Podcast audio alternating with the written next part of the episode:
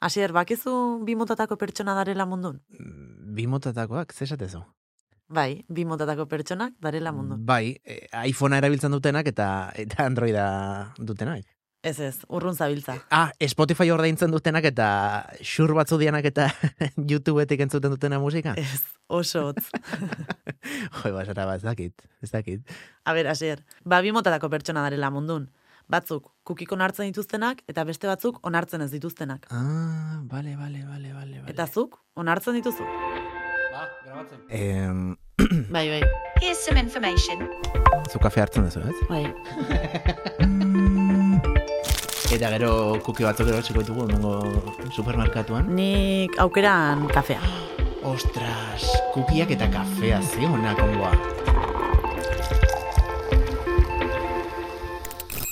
E, bira, Sara, nik aukeran nahiago ditut kukiak e, txokolate zatitxoken.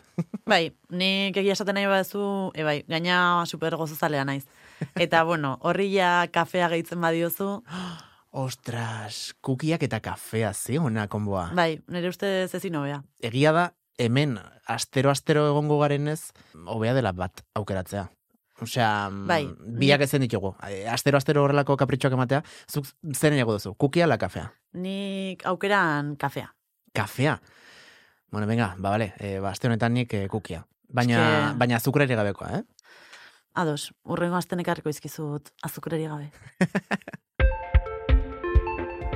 Eta ez dakit azukrerik baduten edo ez, baina gaur kuki ez hitz egingo dugu, kuki digital maderikatu hietaz. Bai, alaxe da. Eta galdera, badakigu zer diren benetan kukiak. Baina ez jatekoak, eh? internetekoak. Buf, e, jo, ba ikusten ditugu, eh? askotan egunean zehar.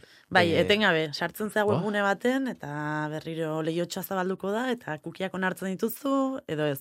Eta, bueno, mm, aukera gutxi dare zonartzeko ere. Bai, e, Baina, bueno, nahi dezu esatea zer dien benetan. Hoxe esan behar nizun, ze, ze ikusi ikusten ditugu, baina gero, benetan ulertu ulertu, ez dakit oso ondo ulertzen ditugun. Ez. Eta, bueno, ba, kukiak datu fitxategi txiki batzuk die. Orduan, zu webgunen e, hori onartzen duzu momentun, Aha.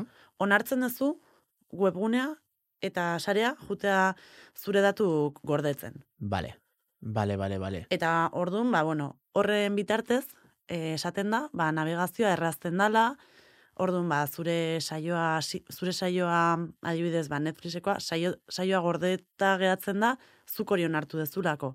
Edo korreokoa, orduan, ba, bueno, bai, eh, errazten dizu, edo azkarrago egiten dizu navegazioa, ez? Orduan, e, bada nolabait, mm, ustez, gure esperientzia hobetzeko e, Bai, ustez bai.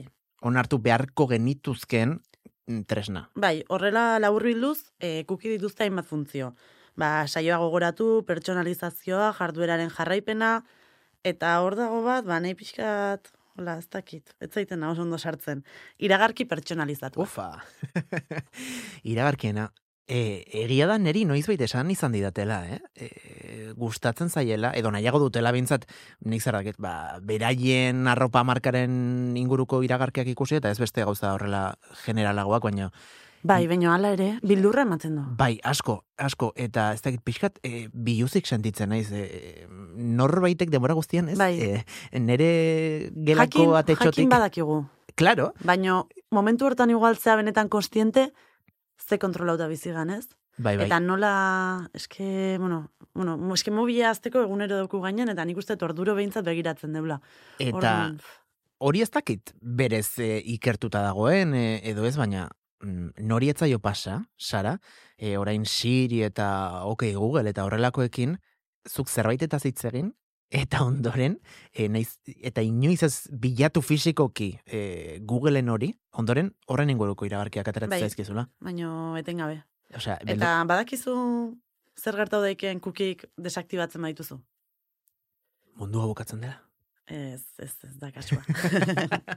Eskerrak. Baina, bueno, ba, esan dizutena justo kontrakoa, ez? Ba, saioa hasiko- hasita mantenduko, orduan galduko zenituen zure lehentasun eta konfigurazio guztik, Ah, vale. eta gero, badibidez, gordetzen dezunen zuk erosketa bat zenen, hor, zestatxon, Mhm. ba, gusta, gustoko daukezun erropa, edo, bueno, be- beste produktu batzuk ere ez, ba, hori gogoratzeko gaitasuna ere galtzen du ordenagailuk. Bale, bale, Orduan, bale. ba, bueno, hor kasu hortan lortuko genitun gutxiago pertsonalizatutako iragarkik.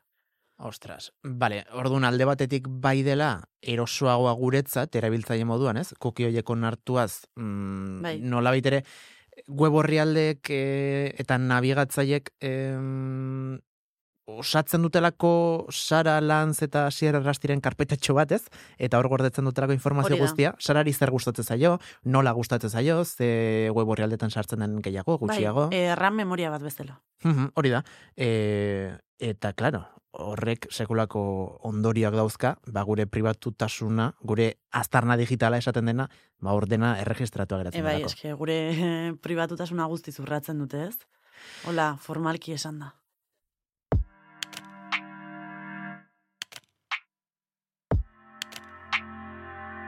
Ei, hasier arrasti naiz. Eta hau entzuten ari bazara, seinale norbaitek gomendatu dizula Kuki eta Kafea podcasta. Edo hori, edo hor nun baita aurkitu duzu. Tira, beste aldean zaudela eskertzeaz gainera, gogoratuko dizut, dena delako audio plataforman arpidetzeko botoitxo bat izango duzula eskura. Sakatu, eta hurrengo saioak ere jasoko dituzu zure aplikazioan. Gainera, gustatzen bazaizu, lagundu zabaltzen lau izetara. Sarak eta biok eskartuko dizugu eta. Orain, segi dezagun gaurko saioarekin. Kuki eta kafea, kuki, kafea.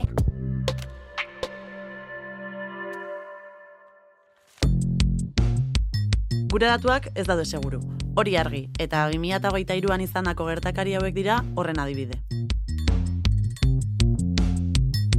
Microsoftek hogeita emeretzitera bait informazio pertsonal zabaldu zituen bere adimen artifiziala entrenatzen ari zela. 2023an Ameriketako estatu batuen eta Errusiaren atzetik Espainia izan da mundu mailan datu filtrazio gehien izan duen estatua. Urte hasieran Twitterreko berreun milioi erabiltzaileen korreo pertsonalak filtratu ziren. Chat GPT-ren eun milioi erabiltzaien informazioa lapurtza lortu zuten ziberkriminal batzuek. Abuztuan, Duolingo hizkuntzak ikasteko erabiltzen den aplikazio famatuak, ia iru milioi erabiltzaileren datu pribatuak zabaldu zituen sarean. Joigoren milaka bezeroren informazio pribatua ere zabaldu zen pasaden urtean.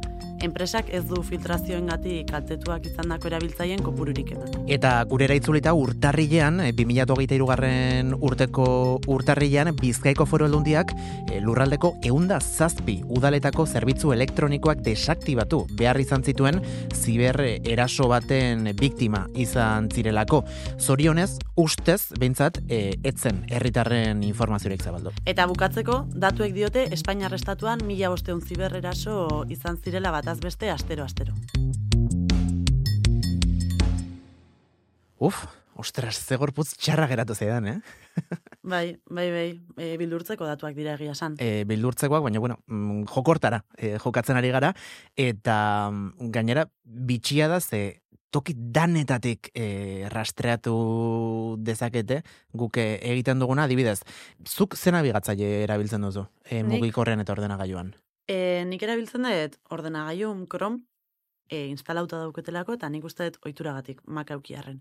Eta mobilen Safari, baina hori batez ere Chrome instalatzeko perezagatik. ba, ez lan handi hartu behar, eh? E, ba, bueno, Safari mm, irakurri dudanez ez da mm, nabigatzaien artean okerrena, baina Chrome eta ez dute oso ondo hitz egiten. E, kontua da, baina hala ere gure kontu guztik dauzkeu Chromen, ez? Esan nahi dut, korreoa claro, gehienok dauku hemen gmail.com. eske horregatik, bereziki, Jo, hasi erreta ez dakizu sartu zen noizbait e, gmaileko ezarpenetan. e, gauzatxoren bat egiteko bai, baina ze ba? Ba, bertan ikusi daikezulako zure korreoan bitartez, eta zu Googleen nabigatzeagatik, ze gustu dauzkezun, ea bikotea daukezun edo ez, Ostras. txakurra daukezun, zeinek zema pertsona bizi etxen, eta olako mila gauza. Benetan, bildurtzekoa eh? da, hori benetan. Nik uste dut, hori izan dela igual, hola, interneten ikusi duten, igual, ba, nei, zehazki, nerekiko zan zerbait, eta gehien bildurtu ditena. Ostras, eta zure kasuan asmatzen zuen, Googleek. Bai, asmatzen zen.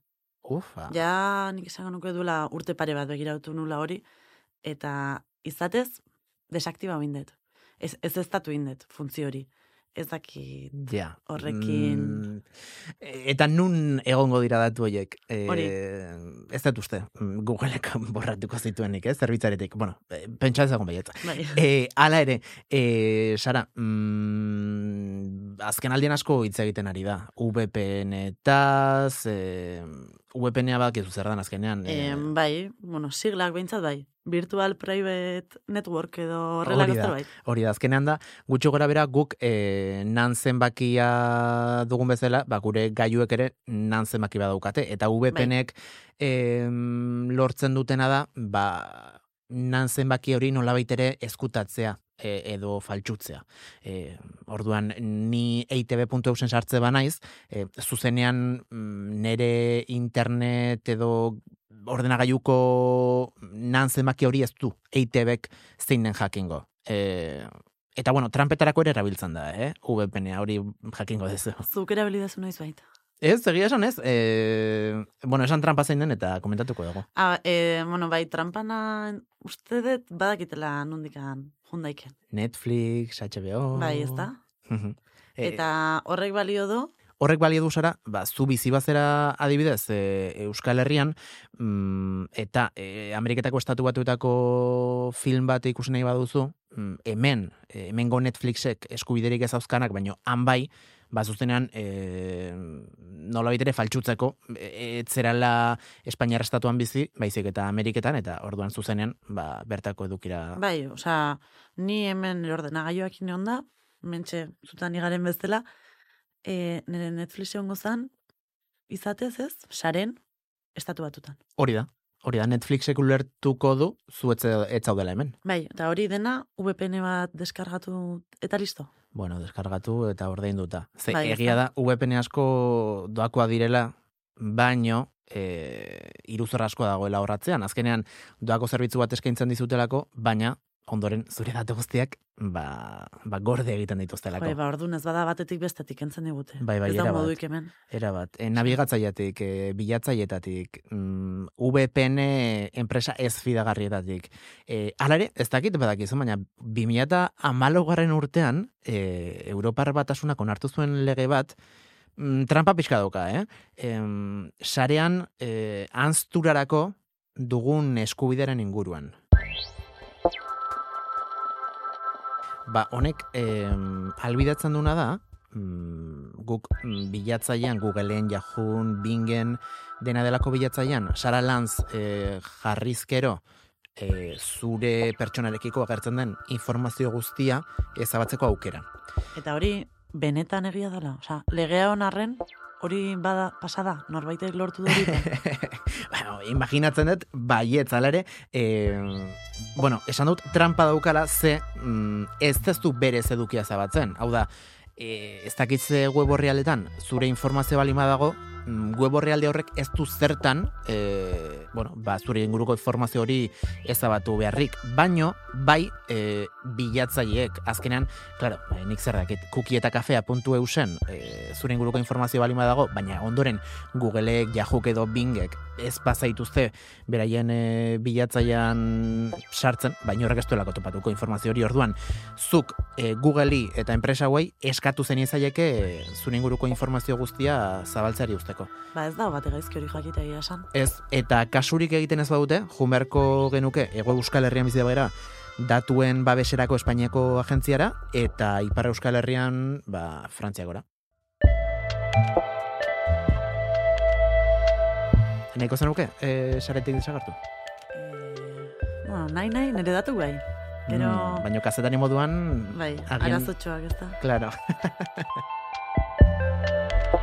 Cookie eta kafea, cookie, kafea.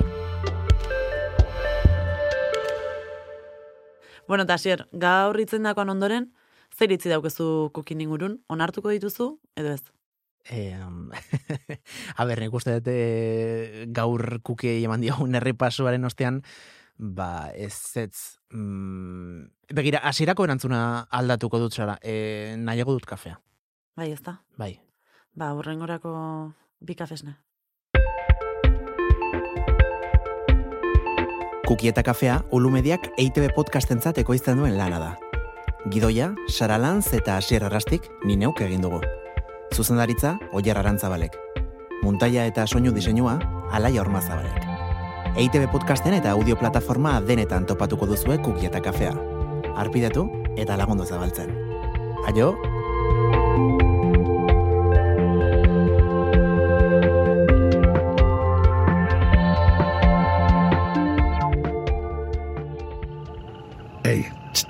Entzun hori. Ulu Media.